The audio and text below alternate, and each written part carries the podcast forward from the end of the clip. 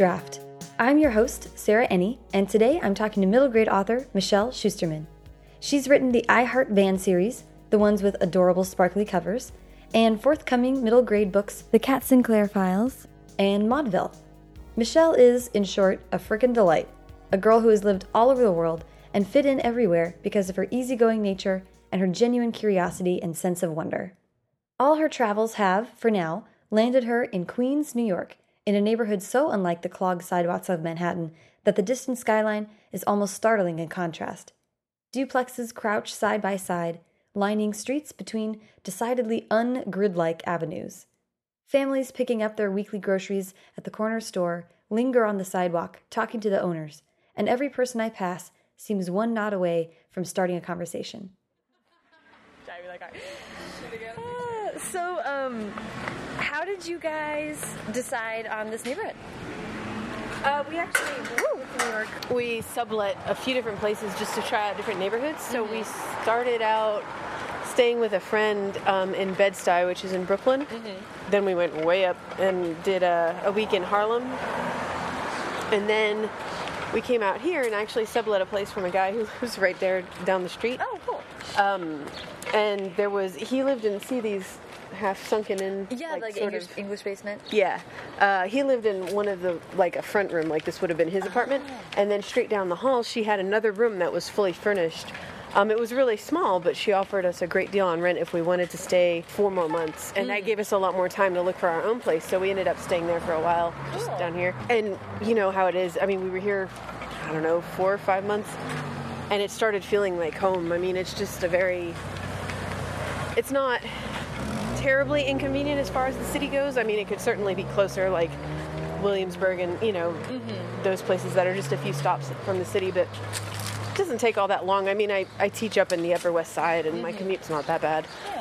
Well, Um, and like you were saying, you had time.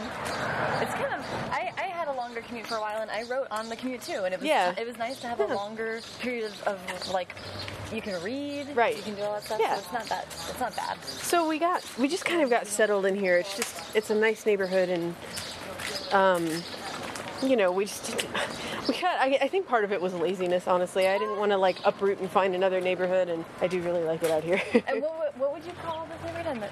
Oh, this is Ridgewood. Okay, okay, you were. It's frustrating. It's supposed. I'm starting to see a lot of articles about how it's another up and coming as far as like the the trendy mm. crowd moving in because we're very close to Bushwick and Right. Bushwick was, you know, blew up a little bit and has gotten more expensive, and so it's shifting over here. And mm.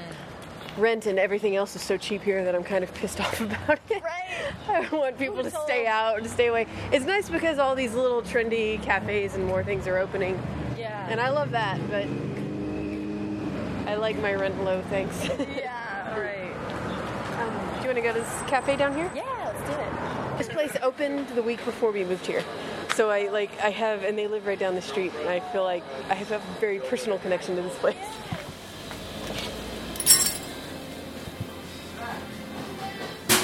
Michelle takes me to her corner cafe that not only offers AC and iced coffee to beat the oppressive New York summer heat, but the scent of freshly baked bread, snickerdoodles out of the oven, and some kind of bite sized baked good that had bacon, jalapeno, and a little bit of heaven. It's no wonder that this place helps Michelle cook up her middle grade magic. So, um, let's start with where did you grow up? Where were you born and raised? I was born in New Orleans, actually. Really? I didn't know that. Yeah, Cool. and I lived there till I was 12 through sixth grade. Wow. And um, so then I moved to Dallas, and I was there through college, and I taught band there for four years, cool. moving overseas. So I, it's kind of a half and half thing, half New Orleans, half Dallas. I feel like New Orleans. grew up. Yeah, that's. Do you still feel like a big connection to New Orleans? Yeah, That's such a unique place. it really is one of the most unique, not USA cities. Yeah. I, I feel like based on the ones I've been to, um, and it definitely had a big influence on me as far as music goes. I mean, Ah. just growing up around jazz and Mm-hmm. with an appreciation for that, and also my eating habits. I Yeah. love that food, like Yeah. gumbo and crawfish boils, and I'm a seafood fanatic. Beignets. Beignets the best, Mm. absolutely. The music is so interesting, and of course, we're going to get way into that. But um, what all instruments do you play? Um, I'm a percussionist first. That's my primary instrument, um, which covered everything like classical percussion stuff, timpani and marimba and snare. I was in drumline in high school and did that. I have a degree in music education, and it qualified me to teach band, orchestra, and choir. So I actually took, um, you know, the fundamentals of brass instruments, woodwind, strings, and choir. Wow. I don't think anybody would want me for an orchestra director, but technically, I'm qualified to do it. in a pinch. um, and then Dallas is like you're saying. New Orleans feels like maybe one of the cities in the U.S. that could be dropped into anywhere else in the world. It's It very really sort could. of It's just it really stands out to me. The- Yeah. the, culture there, everything there is so Yeah. different. You know, you can kind of. I mean, like take the food thing again. There's there's southern food, and obviously you can break it down by states and everything. But nobody's food is like New Orleans food. It's just it's a completely different thing. It's not Yeah. just the typical stuff you think of like barbecue or whatever. Mhm, It's mhm. Very, Yeah, just- very unique. Yeah. yeah. But then Dallas to me feels like it's one of the most like American cities. Yeah, absolutely. I would definitely say that. There's a lot of good things to say about Dallas. I mean, Yeah, and that's not like at all like an insult. No, no, not at That's like all. it's a very like if someone was coming from overseas and wanted to be like, I want to feel like I'm in America. Yes. that would be one of the then they would. top one of my, cities. when I when I lived in Brazil, one of my best friends there, um, she did a year where she studied abroad, Mm-hmm. and she was out in the suburbs of Dallas, like miles from the city. I can't remember the name of the town she stayed in, but just so suburban. And I thought to myself, God, there's no beach. This is not Brazil. She must have been so bored, but she loved it. Like it was just so the ultimate American experience for her. Yeah, I'm imagining then her watching like any American TV show and being like, yes, Yeah, exactly. I mean, that's that's what it was. She went to a, it was high school for her, so she did a year at a Texas public high school, and wow, it that's lived up to what she wanted it to be. I think. That's cool. What was that like making the transition from someplace that's so unique as New Orleans to oh, Dallas? Oh, I, I was an absolute miserable little brat about it. I made my parents' life hell Oh. over that move because I was. It was sixth to seventh grade. That's a really rough time. You have your friends and you don't want to say goodbye. And I decided that I hated everything that I thought represented Texas. Like I hated country music. I hated it. Like with a deep, deep passion. I hated barbecue. That's not true anymore. I just I hated it because I felt like I had to because it wasn't New Orleans. So yeah, I was kind of ass about it. Yeah, well, that's that's. I can't blame you for that. Had you already started with instruments before? Yes, I started. Technically, I played the clarinet in third grade for two weeks. I couldn't get it to not sound like an angry cat, so I switched to drums because you can't not get a sound out of a Yeah. drum. um, so I did. I started. I went to a private Catholic school, and I guess we just started band really early there. Um, and then I was still in band when I moved to Texas. Started seventh grade. It was light years ahead of where I learned. Like I was at the bottom of the Really? Oh my god, yeah. Texas music programs are incredible. Wow. And yeah, honestly, we'll get more to that with Yeah. when we talk about the band series because my editor went to school in Texas too and was a band nerd and like she Yeah. gets it. But um Well, that's funny because I was in grade school in Texas Yeah. um, and played the violin through cool. from maybe fourth grade to to we, we moved to go to seventh grade, so fourth through sixth grade, I guess. And then when I got to California, they had their program was terrible. It was falling apart, Yeah. and I was like going to be put in an advanced violin and all this Mm-hmm. stuff in Texas. I was set up, and then moved to California, and it just fell apart. There was nothing there to support it. you don't think that because when people think liberal arts or any Right. sort of arts, they don't think Texas, but Texas has its music schools figured out in the public school system. I will say that as far as band goes, I know a lot of the funding is just a result of football culture because you need that marching band out there on the field and Yeah. they want it to be big and Good. epic. And you know, I mean, if that's the motivation, fine. But the end result is still kids getting a really good music education. Right. So you show up and you are passionate about percussion and you're sort of in the bottom rung all of a sudden. sort of. I was the bottom. like it wasn't. It wasn't even close. Part of the problem was that at the private school I was at in New Orleans, you chose drums or you chose like marimba and xylophone and like keyboard Oh. stuff. So I didn't really know how to read music melodically. I only knew how to read it rhythmically. Oh. Um, and that was really challenging for me. So that that automatically put you at the bottom because when you start band in Texas in sixth grade, if you're a percussionist, you cover everything Wow. right from the start. Wow. So you kind of had to learn a new language. Really. Yeah, exactly. Okay. Yep. Um, how did that go? I mean, you clearly stuck with it, you know? I did, and it, it was it was really kind of amazing because the high school I fed into, I went to Marcus High School in Flower Mound, and they actually at the time and still now have what is known to be one of the best percussion programs in the country. Wow.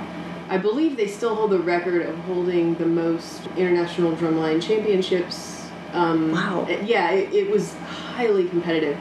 I went up against 40 other percussionists in one high school band program, just percussionists Wow. alone. So that's uh, really impressive to me that you you were tossed into this new Yeah. environment and you were at a disadvantage, but you like stuck it out because that was like you're saying really Right. competitive. Yeah, it was super competitive, and I was really painfully shy too. I had a really hard time in middle school and really through my freshman year until I started making friends Yeah. because I, I just I had never moved like that before and been thrust into a situation where I had to make friends again, and I was just very awkward. I Well, mean, we all are at that age. right. I, I was like really insecure and mm-hmm. awkward, so it took a while. I'm I honestly sometimes I think back on it and I I don't really know how I managed to like what kind of kept me going because when you're in a music program like that, there's so many times when all eyes are on you, and I had I don't know if I would call it stage fright, but just I was it scared the shit out of me to stand up in front of people and play Yeah. by myself Yeah. but I had to do it over and over and over again. And by by the time I graduated, I was I was near the top of the Yeah. the program. I mean that's incredible. it it's took a while. the- I don't know. I, I love that. I really admire that. It's like you you had a strength, a driving mm-hmm. force Yeah. within somehow. I was really obsessed with it. I mean, I definitely was doing it for the music. I Yeah. really loved to play. Yeah. And uh, I it was an intimidating program, but it was it was an amazing program. We had things that so many high schoolers don't get. I mean, we had a steel band. Wow. We got a full set of steel drums, Wow. types, and like we had just a lot of opportunities that a lot of kids don't get. It was a great program. That's amazing. So that really helped to push me. So you get to the end of high school, you excel at band, you're comfortable, and then you decide. Did you go to school for music? Yeah, I went to the University of North Texas, which is in Denton, about uh, 30 miles away from where I grew up, you know, where Yeah. I lived in Dallas. Um, and I was a music education major. And it wasn't so much that I wanted to teach. You know, I had, you know, your, your options are like music education, music composition, jazz studies, music performance. And I was think I, I was going to go for music performance, but then a friend of mine who graduated a few years before me from the same program he was at North Texas as well, and he said, "No, go for education because you can perform no matter what your degree is, but you can't teach unless you have an education degree." And I was like, "Well, that was logical, even though I don't want to teach." Right. And then I I got through, and when I got to the student teaching part, where I was going to a middle and a high school every day to teach, I realized, oh, you know what? I actually really really like this. So I ended right. up doing that for four years. That's cool. But I do want to know where in all of this was writing. Were you doing any writing for fun? Honestly, no. Not that I did a lot as a, a, a kid growing up. Mm-hmm. I mean, just like all of us probably, I had notebooks full of books. quote, Well, unquote, that's that writing. to Yeah, no, absolutely.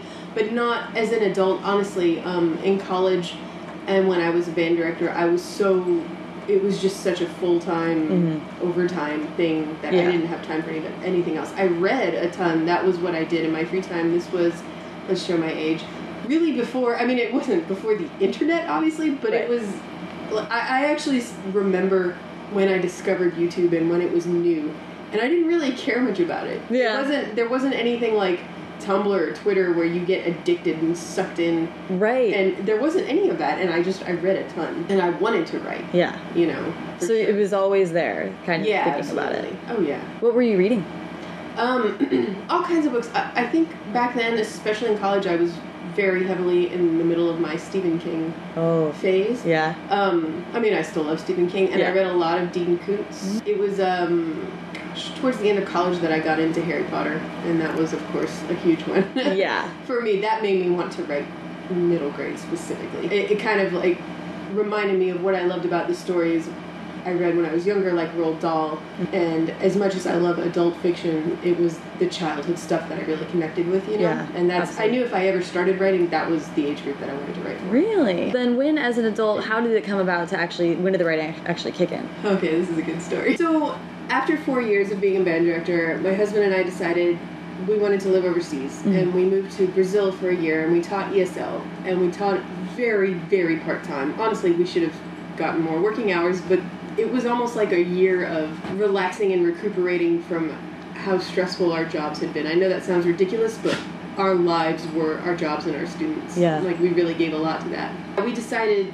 Uh, my parents at the time were living in Paris, Ooh. and um, we went to visit them, and it was definitely one of those. Wow, we could live anywhere. I mean, you know, obviously there's some luck and circumstance. Not everybody is able to Right. pick up and move wherever they want. Right. But um, we we decided we really wanted to just try living abroad anywhere else and see what it was like. So we sold our house.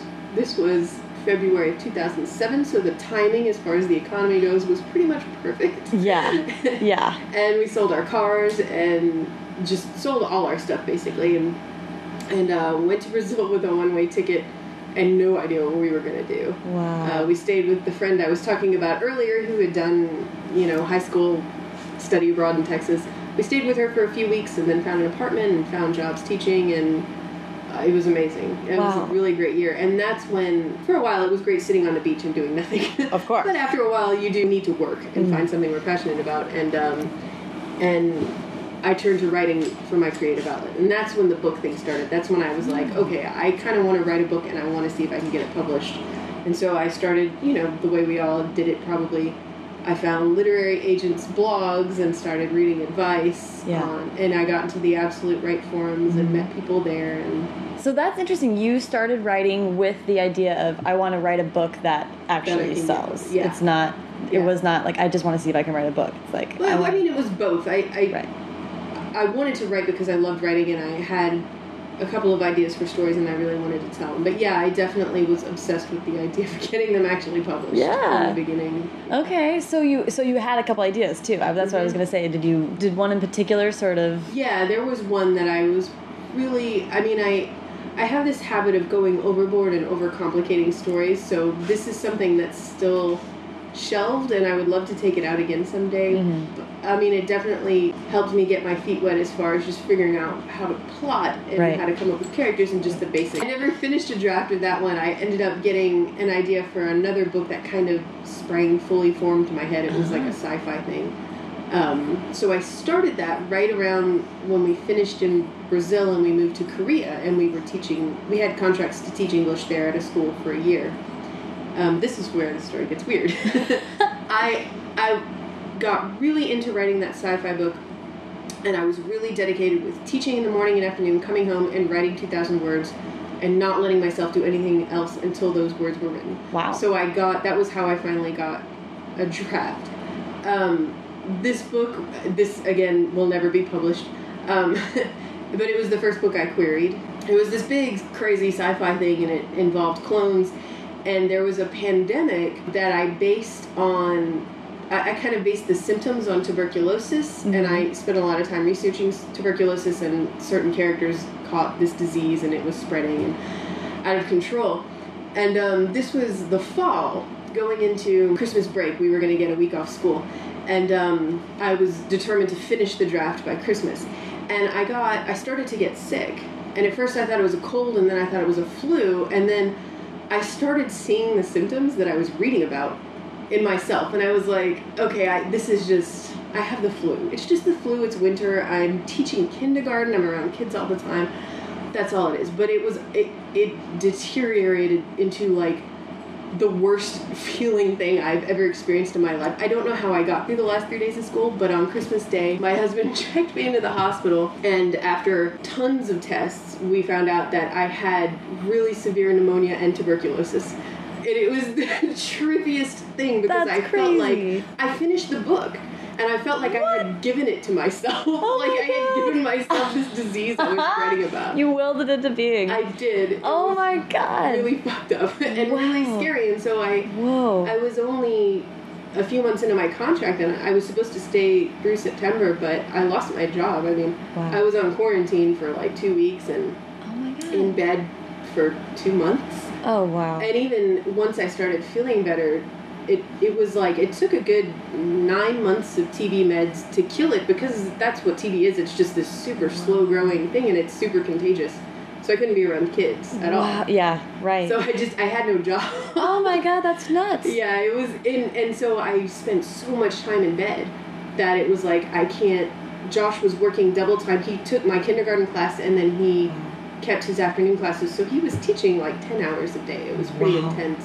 Wow. And um, I literally couldn't do anything but sit in bed all day. And so that's when like freelance writing started, and that's when I revised that book and started querying it. And although nothing came of it, it led to a lot of really great things. I mean, I met my critique group and, you know, got a lot of help. And I just, sometimes you need to write a book that's never going to sell to figure out how to write a book for sure. Oh, yeah. I think a lot of people feel that way. Oh yeah. But so you're you're basically on like bed rest. You're Yeah. you're recuperating and Yes. that's when you sort of the the online writing community. Yeah. That's, That's really when I got into it. Absolutely. yeah. Yeah. And there's a puppy drinking water behind us. So no, no, no, it's so cute. It's so cute. We have a puppy friend with us. There's been lots of cats already.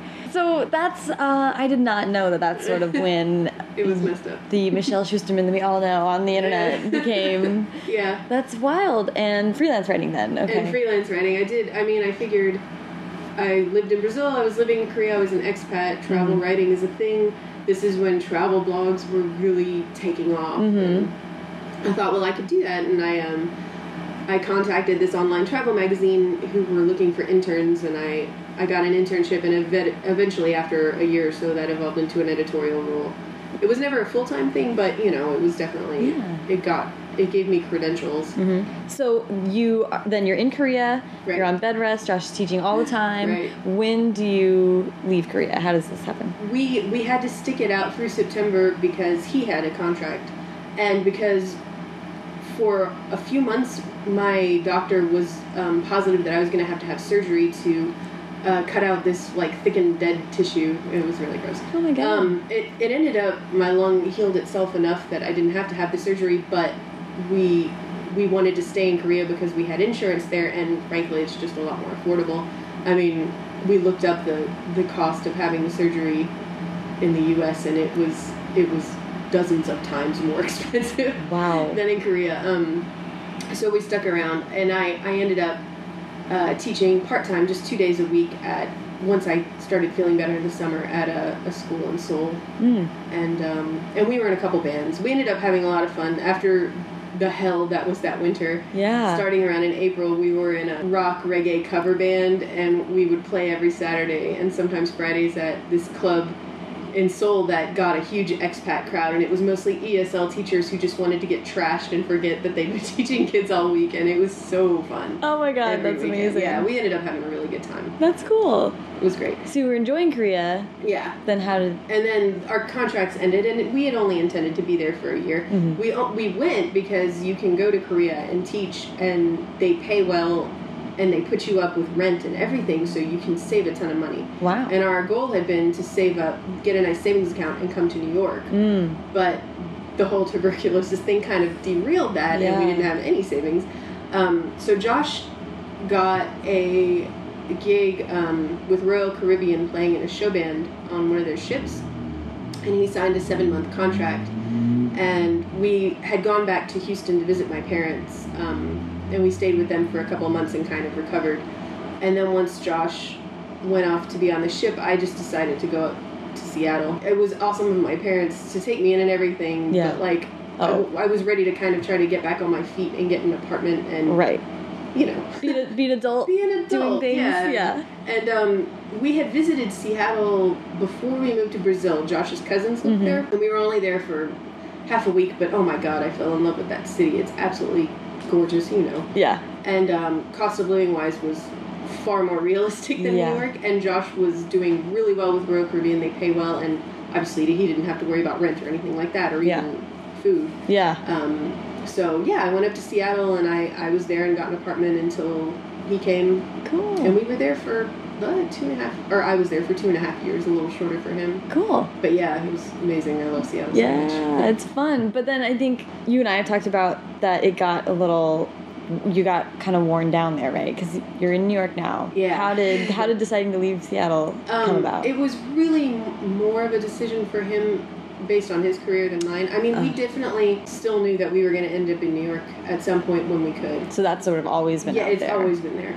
Um, because he's a musician, Right. And and Seattle is fantastic for music in a lot of ways, but it's just not so much a paying industry. If you want to just be a working musician and live off making music, Right. it's really hard to do in Seattle. And as for me, as much as I really loved Seattle and it was really hard to leave, I was also really excited about being this close to the publishing industry. I mean, and it's it's been a blessing. Like every time I I had a new book to start in the iHeart Band series, I could just meet with my editor for lunch and we could talk it out and talk about what we wanted and go over an outline together and Yeah. you know, it's not necessary when you have emails and phone calls, but it's nice. Right. It's just really nice to feel so connected. Yeah. You know. Yeah. So okay, so you are you start writing in Korea. Oh yeah. and you're you are continuing to write through all these different places that you live. Yeah. When did you start writing the book that got your agent?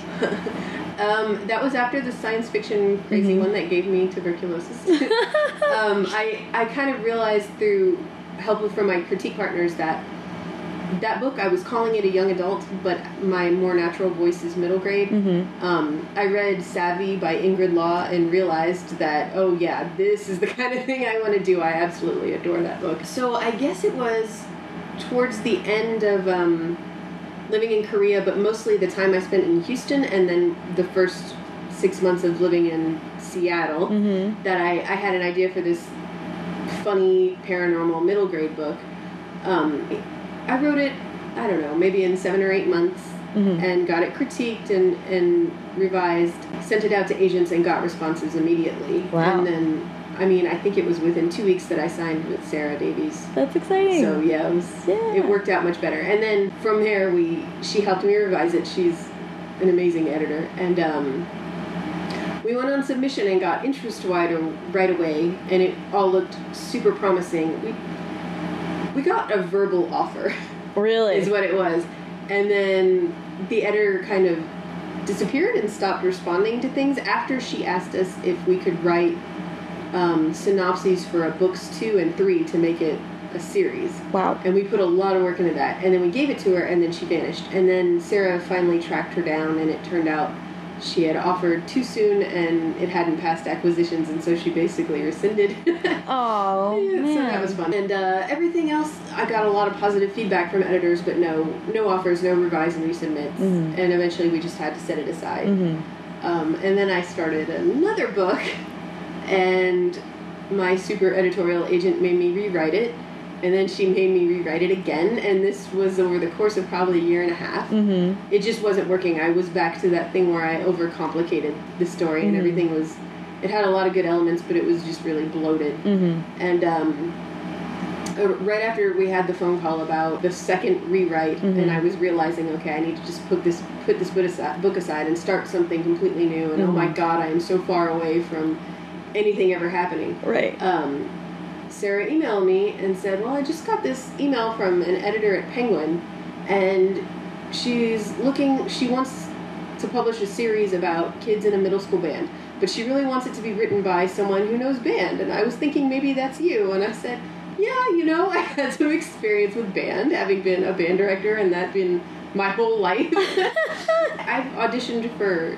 For projects before, like Mhm. commission stuff, um, Mhm. and I've gotten close on some. but I've never been offered any before, but I knew the process, and I figured what would happen is the editor and I would have a phone call, and then she would read samples of my work, and that's what we did. And then they would have me write sample chapters, and we'd go from there. That's what I was expecting.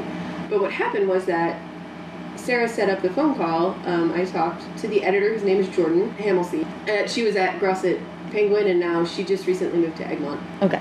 Um, so we discovered she grew up in Texas as well. She was in band. She wanted to be a band director. We, I mean, we were, I was talking to an editor about who won Bands of America back in like 2000. It was just really Yeah. bizarre to find somebody that knew that world, you know. Mhm. And um, and so it, the phone call went great, and we hung up, and I thought, okay, well, hopefully they'll ask me to write some samples.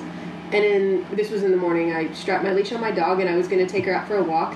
And my phone rang. It was my agent. And I picked up, and she's like, "They made an offer." And I said, "They made an offer on what? I haven't done anything yet." But they, I mean, they did. It was it was so fast. Yeah. I think we had an announcement out the following week. Wow. They just commissioned me to write it. Wow. And um, she just knew. she did, and I mean, it really worked out well. You know, she gave me a ton of freedom Mm-hmm. with the project. I know with a lot of commission projects, they give the author an outline Mm-hmm. and the author sticks with it. But what Jordan did was she just said, here's the basic concept of the book. It's a friendship book. Mm-hmm. This girl is a really competitive French horn player.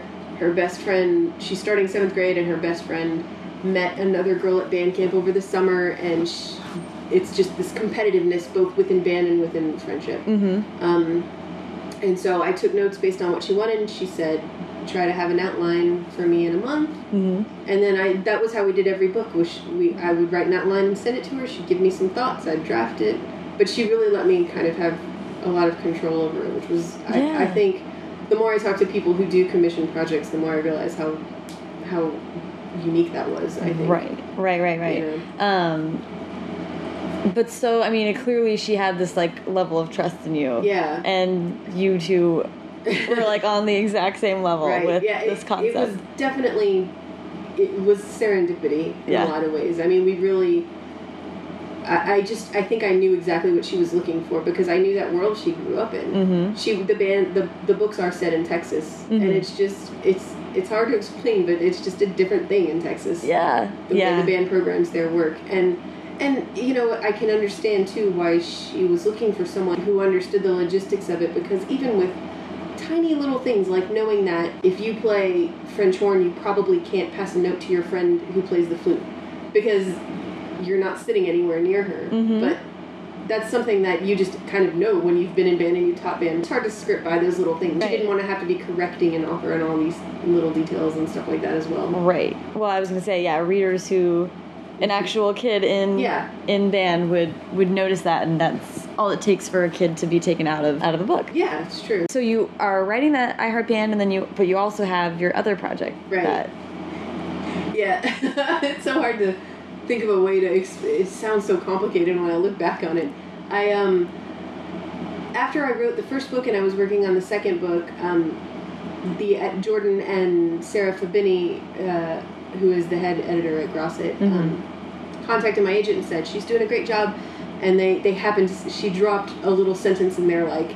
If there's anything else she has an affinity for, or any other project she has, let us know. We like working with her mm-hmm. and I'm very opportunistic, and I saw that, and I was like, well, if they want to work with me again, then I'll give them something to work with. Right. And actually, what I ended up doing was um, I pulled out that first middle grade book that I had signed with my agent, and, and I took all the elements I liked about it, the ghosts, and it was kind of a techie girl ghost book, Mm-hmm. and um, and I came up with a completely different idea with different characters, but that involved ghosts. And um, a girl who is on this ghost hunting TV show, whose dad hosts a TV show like this, and uh, she travels around the world with him and blogs about the ghosts, but ends up finding some secrets about the crew and and you know just spooky and fun. Yeah. story. it was a lot like the first thing I wrote, and I I worked on a proposal um, just sample chapters and an outline, and I, my agent really liked it, and she said, try to come up with a little blurb for a book two or three, like showing that it can be a series, and I said, okay. Um, and I sent it to her, and she helped me work on it a little bit, and she sent it to Jordan and said, "I'll check out this proposal and see what you think." And then they made an offer on it, and yeah, it happened. That happened really quickly. That's awesome. That's so great. So, so I sold that to them. Um, we've gone through a few titles, but right now the series is called The Kat Sinclair Files, Cool. and the first book is called Dead Air, and it comes out next August. Ooh, so exciting. Yeah. That's cool. You said that you've always that the stories that have come to you have always been middle grade yeah. and that around that age. Do you feel like the fact that you did have this move that was pretty traumatic to you at that exact time period The, has anything to do with the tuberculosis thing? no, not like- tuberculosis. Oh, the okay. when you actually moved oh. from New Orleans to Texas. Oh gosh, that move. You know, I'm not sure. I definitely, in seventh grade, I was very withdrawn and spent a lot of time with my head in a book. I wasn't social at all, and I Mhm. didn't go out at all. But I, I mean, I was 12, so I was at that point where I still appreciated the younger stuff that I grew up on. I mean, I'm sure I was still reading Sweet Valley High and all that. Yeah. But I was also reading V.C. Andrews. you know how you do when Yep. you're a 12 year old girl, Yep, basically. totally. And some of the older stuff. Um, but I, I definitely do think that, that that period of real real insecurity Yeah. definitely stuck with me because I I know now I didn't know then of course that most kids that age feel that insecure even if Yeah. they're better at faking it than I I was Right. Right. you know we all go through that and yeah that's definitely something I connect with when I when I write I think Yeah, it just strikes me that moving like that is one of those life experiences that jolts you out of Yeah. every comfort zone. You're- and you have to just completely recreate your life. Yeah. And having to do that at that time that's already Yeah. so difficult for everybody, no matter what, yep seems like it's the kind of emotional, like, pinpoint Yeah. that then would like I can imagine that going back to that like emotional well creatively Mm. yeah absolutely there's a lot there and and the the change in the world too. Like we talked about how different New Orleans was from Texas and how much I hated Texas at first, but also I went. I had spent pretty much my whole life at private Catholic schools. My teachers were nuns. It Mm-hmm. was extremely strict, and then I was at a Texas public school. It's just very, very different. Yeah, you know. yeah. It was kind of like a, a slap of reality in a lot of ways. culture shock Yeah, kind of. big culture shock for yeah sure. which is so interesting Yeah. um because for a little bit you were you were thinking YA or you were writing partly YA also Yeah, I, I, I just kind of assumed it, I was I, that was what I wanted to write. mm-hmm. I, am not sure why. I, I don't even think I knew the term middle grade. This was right around when Twilight was getting big, and so YA was all of a sudden getting a lot of buzz. Mhm. Because I'm maybe I'm just going to sound like an ass here, but when Harry, back in the days of Harry Potter, I don't remember YA being thrown around as a term. It was just it's a children's series and it's popular. right And we weren't talking about middle grade and YA and all that. And then Twilight came out and the YA thing started, and I just kind of assumed. right. And then, yeah, like I said, I read Savvy. By Ingrid Law, and I and I thought, oh, okay, I see the difference now, right. And this is what I want. right because I think you're right. Harry Potter uh, migrates through yeah, the different exactly. It levels. starts out so it's it it's so unique. It would be hard to you can't say i want to write a book like harry potter like Right. oh, which one yeah, true. and also good luck right. um, i mean i love hearing people talk about why they write the age group they write Mm-hmm. because and I, or i think it's interesting to think about why that choice is in a lot of ways already made for all of us Right. you know what i mean like you're saying that you realize that your voice is so well suited for middle Yeah. grade because there is a really unique tone it sort of has to be magical Yeah. and that's a hard and it, it's Way to say nothing it. to do with the genre, but yeah, Right. it absolutely does. You're right. which is uh, challenging and I I think it, you either have it or you struggle with it right. i mean i don't know No, I agree. it's Uh, yeah People like to talk about YA and middle grade as if one must be harder or whatever than the other, but it's really not. That's not the case. They're just so very different. Mhm.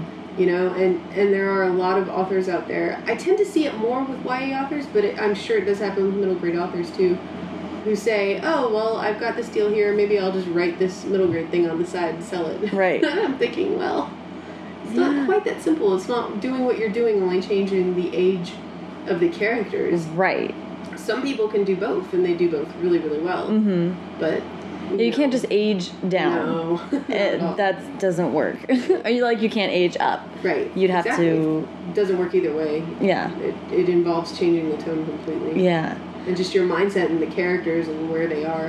Mm-hmm. You were a different. You looked at the world differently when you were 12 versus 16. Hugely, hugely you know. yeah So it's just that perspective, I think. yeah do you feel like you have any desire to branch out or to write different things in the future Yeah, I do. Yeah. I for a long time I thought I will never write young adult. I love reading young adult. I Mhm. love it so much, but I really didn't think I had it. Um, and then you recently I got some feedback on a project that said actually this is kind of more young adult in places. Um, these characters, it was the opposite problem. The characters are 13, but they're thinking like 16 year olds. Mhm. So hey, maybe try that. And I, I'm kind of playing with maybe writing that as young adult. We'll see. i want to read it um I, I think one day I could see myself trying adult. yeah Um, I'm not. I haven't had any particular ideas strike me. That I, I will say that I I would totally ghostwrite cozy mysteries. Ooh, really? yeah, I would just I love mysteries. That would be I kind of grew up on those. Yeah. I I love those series out there that have the themes like you know there's a there's a mystery series. Oh gosh, I can't think of what it's called now, but um, it's the main character owns a coffee house, and so every book has a title like espresso shot. But I just love those. I love the comfort of those series where you know what you're getting into every time, and you can revisit the same characters. Right. Well, it's like a TV Right. procedural. Yeah, there is exactly.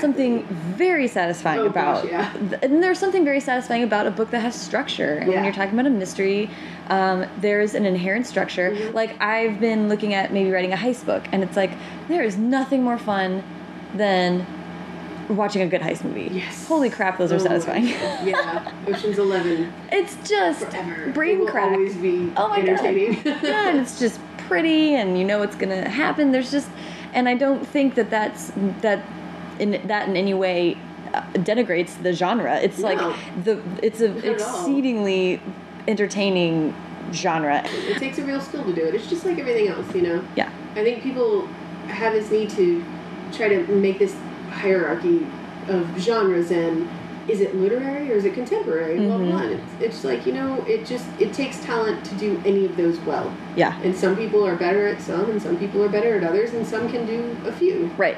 You know, Right. but it's not it's not a hierarchy. Right. Really. I don't think. We're all. It's. It seems like such a waste of genuine energy to Yeah, to try and tear down. Just don't read the books. I know.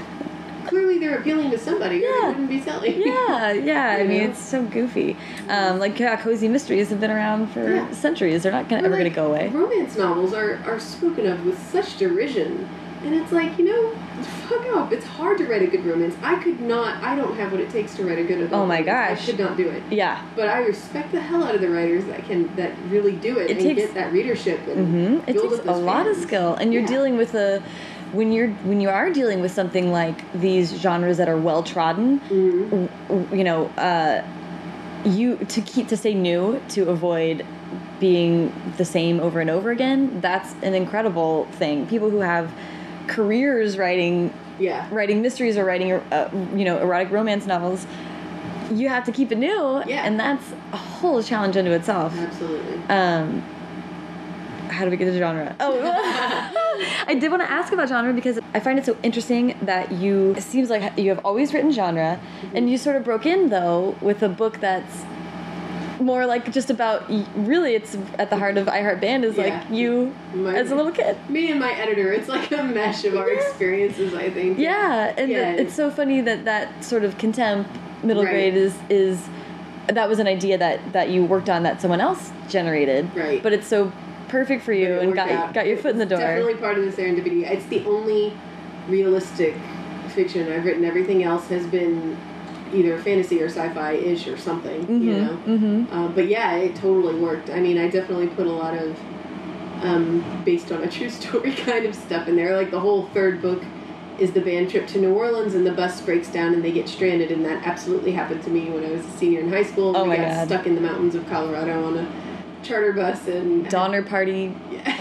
Donner party orchestra trip. Oh my god. it was yeah so yeah i did get a lot of my own experiences into that series How, what was it like writing realistic fiction when that's so not your like chosen i think if it hadn't been about band it would have been seriously a struggle for me but i could talk about band forever Yeah. i mean i just have anecdotes like crazy just Mm-hmm. from both being in it starting from third grade and then all the college experience and then teaching both Yeah. middle and high school for four years i mean Yeah. it's just there there was a lot to work with there um, and and part of what i think is so cool about that series is there are four books the first two in the fall semester and the second two in the spring semester so you go through her seventh grade year and you hit all of the kind of band big moments on the calendar that a texas band kid's gonna hit like solo and ensemble contest and auditioning for all region band and the spring concert and the winter concert and uil which is like the big giant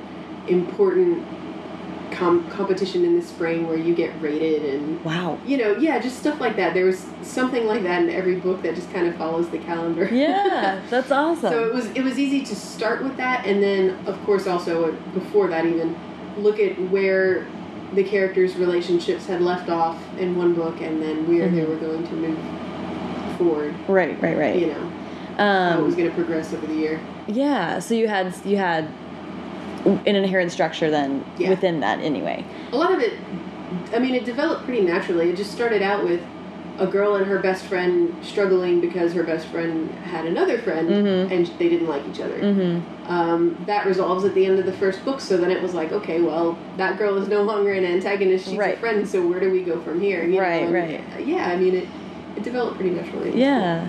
So all of the stories that you sort of that are that it sounds like the ideas that sort of come to mind for you very easily are these like fantastical elements, but Mm-hmm. you also have I mean, where does music fit into wanting to has that besides I Heart Band it doesn't seem like it's factored into the other ideas so far. um, that's really funny. Uh, the so I mentioned earlier that Jordan, who was my editor for the band series, um, she's the one who bought the Kat Sinclair files. Mm-hmm. Last December, she was offered a position as an editor at Egmont. When she moved over, she said, "Well, you know, if you have anything you're ever working on, send it over here to me." And Right. I said, "Yeah," because I definitely knew I wanted to work with her again. We just were such a great match, I think. Mm-hmm. So what I ended up doing was I went back to that super bloated story that Oh, yeah. Sarah made me rewrite and rewrite until the band deal happened and I shelved it. That that book actually centered largely around a girl who really desperately wanted to sing, but has this crippling stage fright, which I could absolutely relate to, as we've talked about. Um, and it, it does have a I would call it like a fantasy horror. It, it did have like these surreal magical elements. And I, I kind of opened that, that book up and I looked at it and I thought, you know, I think the reason this is so bloated and never worked is that it's actually two concepts that I stuck into one. And so what I did is I, I pulled out the girl and that desire to sing and her she has a horrible horrible mother that puts a ton of pressure on her like worse than a stage mom um, and she finds this theater with this villainess, a very Cruella de Vil type, enchanting but sinister woman who can sing and, and says, I can make you sing and I'll cast you as a star in my show. And Olive, that's the main character, um, secretly starts going to this theater and joins the show and gets kind of sucked into this world. The theater is haunted, it has all kinds of Yeah. secrets and, and it goes from there but music is the heart of that like her desire to sing Mhm. her desire to escape her circumstances and her mother and kind of lose herself in music and and putting on a show with people that's the heart of the story The there for driving sure. force. i wrote a new proposal for that one Mm-hmm. um, in several sample chapters and then kind of a shorter proposal for the second one Mm-hmm. and sent them to my agent. She was like, "Oh, I was hoping you'd pull this out again. I think this is the right thing to do." And we sent it to Jordan, and they bought it. Wow. So that's what I'm working on right now. Actually, Yeah. is, is Yeah. uh, the that book is called Maudeville, the theater one. Cool. So music is definitely a part of that one. okay. And it's funny because when I looked at it, at the old, the the first book, and I thought, oh, it's it's a music theater book, kind of. Jordan, in addition to Ben, is like a major music theater nerd. So it was just another one of those things Yeah. again where wow. we're just a really good match. I think. That's you know? so great. I do want to ask about just going back a little bit to to you were talking about teaching and being around high schoolers and middle schoolers, Mm-hmm. even as an adult. How do you feel like, or do you think, but like you're you're staying current in a way? I guess. It, yeah, definitely. I, I think it definitely helped to be around kids. It's funny every time we, I hear, I read interviews or hear interviews where people talk about this. I imagine these authors eavesdropping on kids' conversations and then trying to like emulate the slang, and I'm Right. thinking that's not how to do it. Yeah, but right. that's not. Then I, I try to pull myself away from it and realize I've worked with kids all my life. Mm-hmm. I've never not been around middle and high school kids. Even now, I'm, I'm teaching part time Right. uh, writing workshops for kids. Um, and yeah, just being around them every day as opposed to I'm thinking about being in like an office job mm-hmm. and only being surrounded by adults, and especially if I don't have kids of my own, which I don't, right. then yeah, I think it would be a lot harder. Not just to, it's not so much about hearing how they speak, but just seeing how they interact with each other and making sure you keep in touch with that because I think a lot of adults who aren't in touch with kids would be shocked at how intelligent they actually are. You know, Right. we we just really dumb kids down. Yeah. When you look especially at the way they're talked about in the media, you know, just as this mass thing. Mm-hmm. I don't know. I, I think we really underestimate kids a lot. Right, this mass, thoughtless. Yeah. These. Kids who are reading books and kids, you know, they're Right. just, they're not. They're they're incredibly smart. Yeah. And they're a lot more worldly. Yeah. You know, they understand a lot more. Right. Well, now they have the internet and Mhm. all these. I mean, they know a lot more. I think. And they're the way they approach things is in a way a lot more pure than adults. We just we we've already been sort of indoctrinated with all these kind of beliefs and and a lot of us are trying to get around those and recognize them and free ourselves from them, but kids Right. don't have them. right. They just see something for what it is. Right. You know, there's there's a real honesty to them and that's why that's why it's so hard, especially with middle grade, I think you if they see BS, they're not going to read.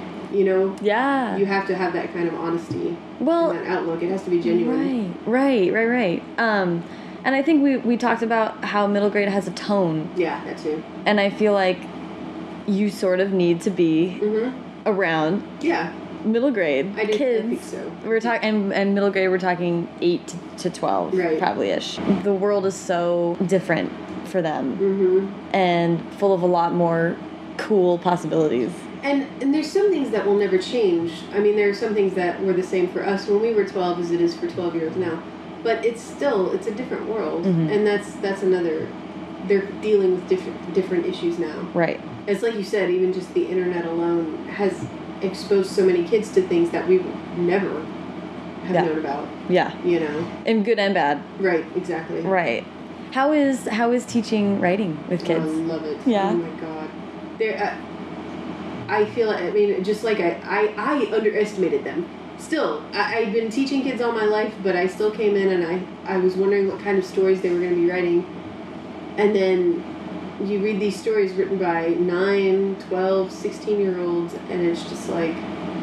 I mean, it's mind blowing. The ideas they come up with, they're so creative. The actual voice. I mean, Yeah. I'm not embarrassed to say that some of them have written stuff that I have not. Uh, like they're better than me. Oh, you know what I mean? Like wow. I don't even. It's it's amazing. Yeah. Like, How has teaching kids affected your writing, would you say? I every time I leave a workshop, I am in the mood to write. I actually I had a pretty tight deadline to write the first Kat Sinclair book um, just a few months ago, and it actually helped me to go teach for a little while because they just kind of charged me up. Just Yeah. talking to them about writing and seeing how excited they were about writing, and then on the way home, I would pull my laptop off out on the subway.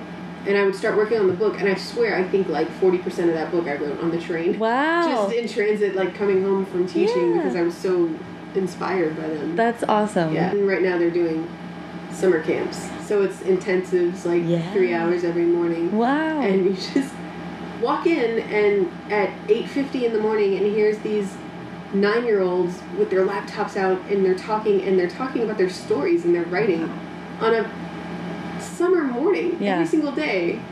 Like my God, it's just so great to see. Yeah. That's what I'm talking about, and I I think you know most adults would probably characterize them as oh they're gonna sleep till noon and then play video games all day and waste their lives. And Right. It's like no, look at these kids. yeah. They're up and they're writing and they're excited about it. Pl- yeah, plus the as people who are trying to write pub- publication and and at times take out laptop and Yeah. want to throw it across the room Yes. to see a kid who's choosing to spend their summer hours Mhm. and is so super psyched about Yeah. spending summer hours writing. I cannot imagine that that would be a negative at all for the creative awesome. spark. This summer camp thing is forcing me to wake up earlier than I normally do. Mhm. Um, but I still find myself. I just I think I write better at night, so I stay up really Uh-huh. late and and do that. I, I really I squeeze it in anywhere I can. Yeah. I'm not organized at all. I'm kind of a nightmare like that. Ah, well, I do. I like hearing people talk about when they write better Mm. because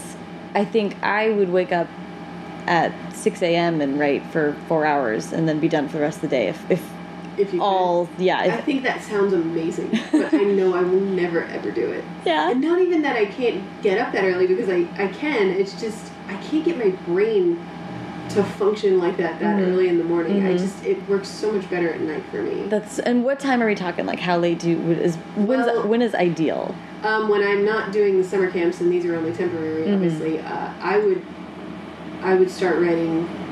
I would really start getting into it around nine or ten, and I would write till like two or three. Wow. Yeah, Wow, there is something to the weirdness at night. Like it would be amazing to write a book that was that had the feel yeah, of 2 a.m. yeah. Because that's a weird fucking feel. Absolutely. and if you're writing darker stuff, I Yeah. think especially. Yeah, and it's spooky and it's Mhm. interesting, but it's exciting and just like reminds me of when you can stay out that late for the first time and all of your friends are out in a park at 2 a.m. There's not a more magical feeling than that. It's Yeah. crazy. But I could not ever stay up that late. I couldn't do it. Everybody's different. I think Yeah. the thing. There's no, there's definitely no right or wrong way. How did getting to know other writers change your writing? It changed everything. Absolutely everything. I needed. I I've always loved getting critiqued. I know. I think some people struggle with that at 1st but I I really love Well, hearing honest feedback. band. Yeah, yeah. I mean, I that's I think that's where it came from. Honestly, I'm.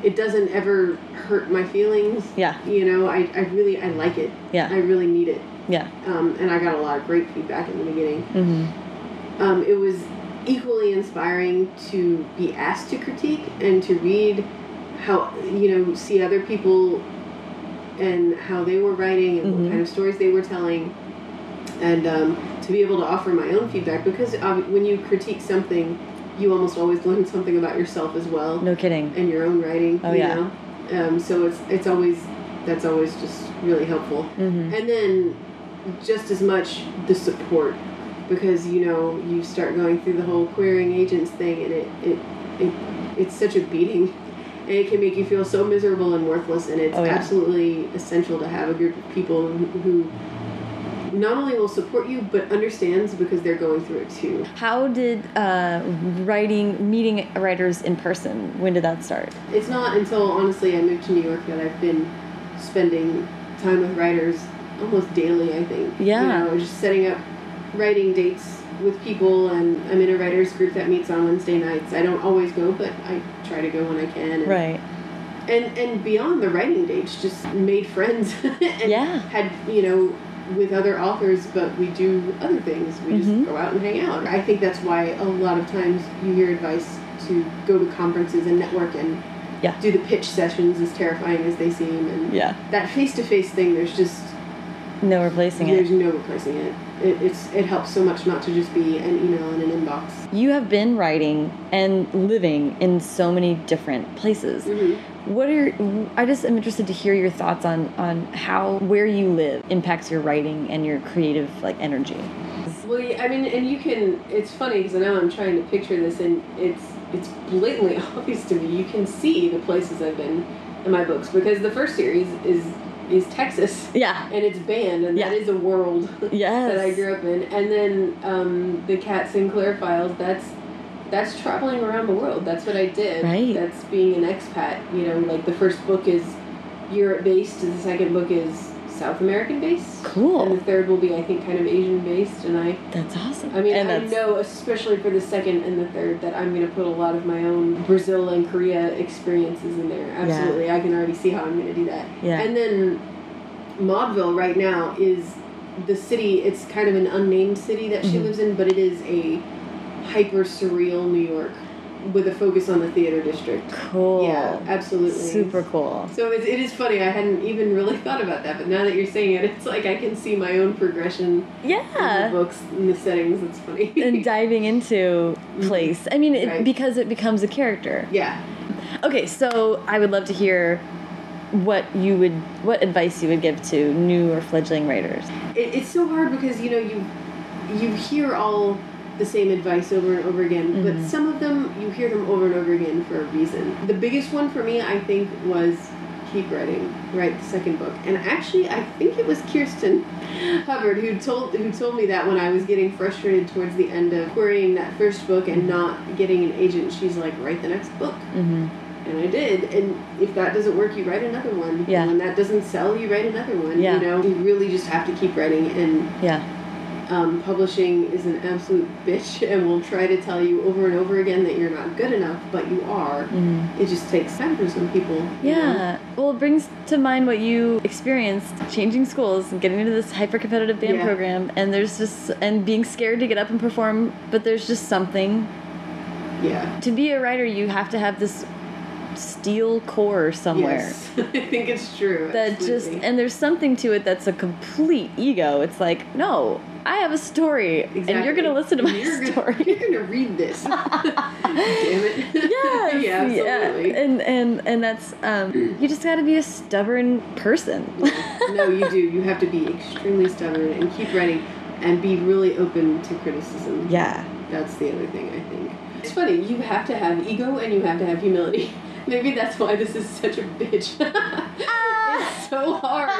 But you have to have both. It's, true. yeah. That's why I love I love your advice. I love having those two next to each other. You have to be completely full of yourself, Yes. and then you also have to just understand that you're complete crap. yes. That's it.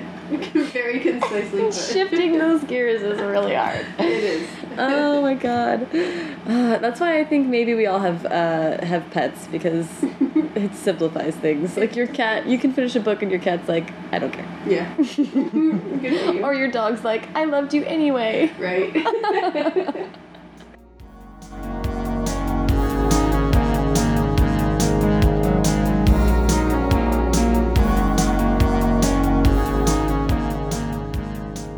So much to Michelle Schusterman. You can follow her on Twitter at mi underscore s-c-h-u or mishu and follow the show at First Draft Pod and me at Sarah Enni. You can find the show at www.firstdraftpod.com and there you can see our newly posted FAQ and see how you can support the show. Original music for the show was created by Hash Brown and the logo was designed by Colin Key. And thank you so much for listening.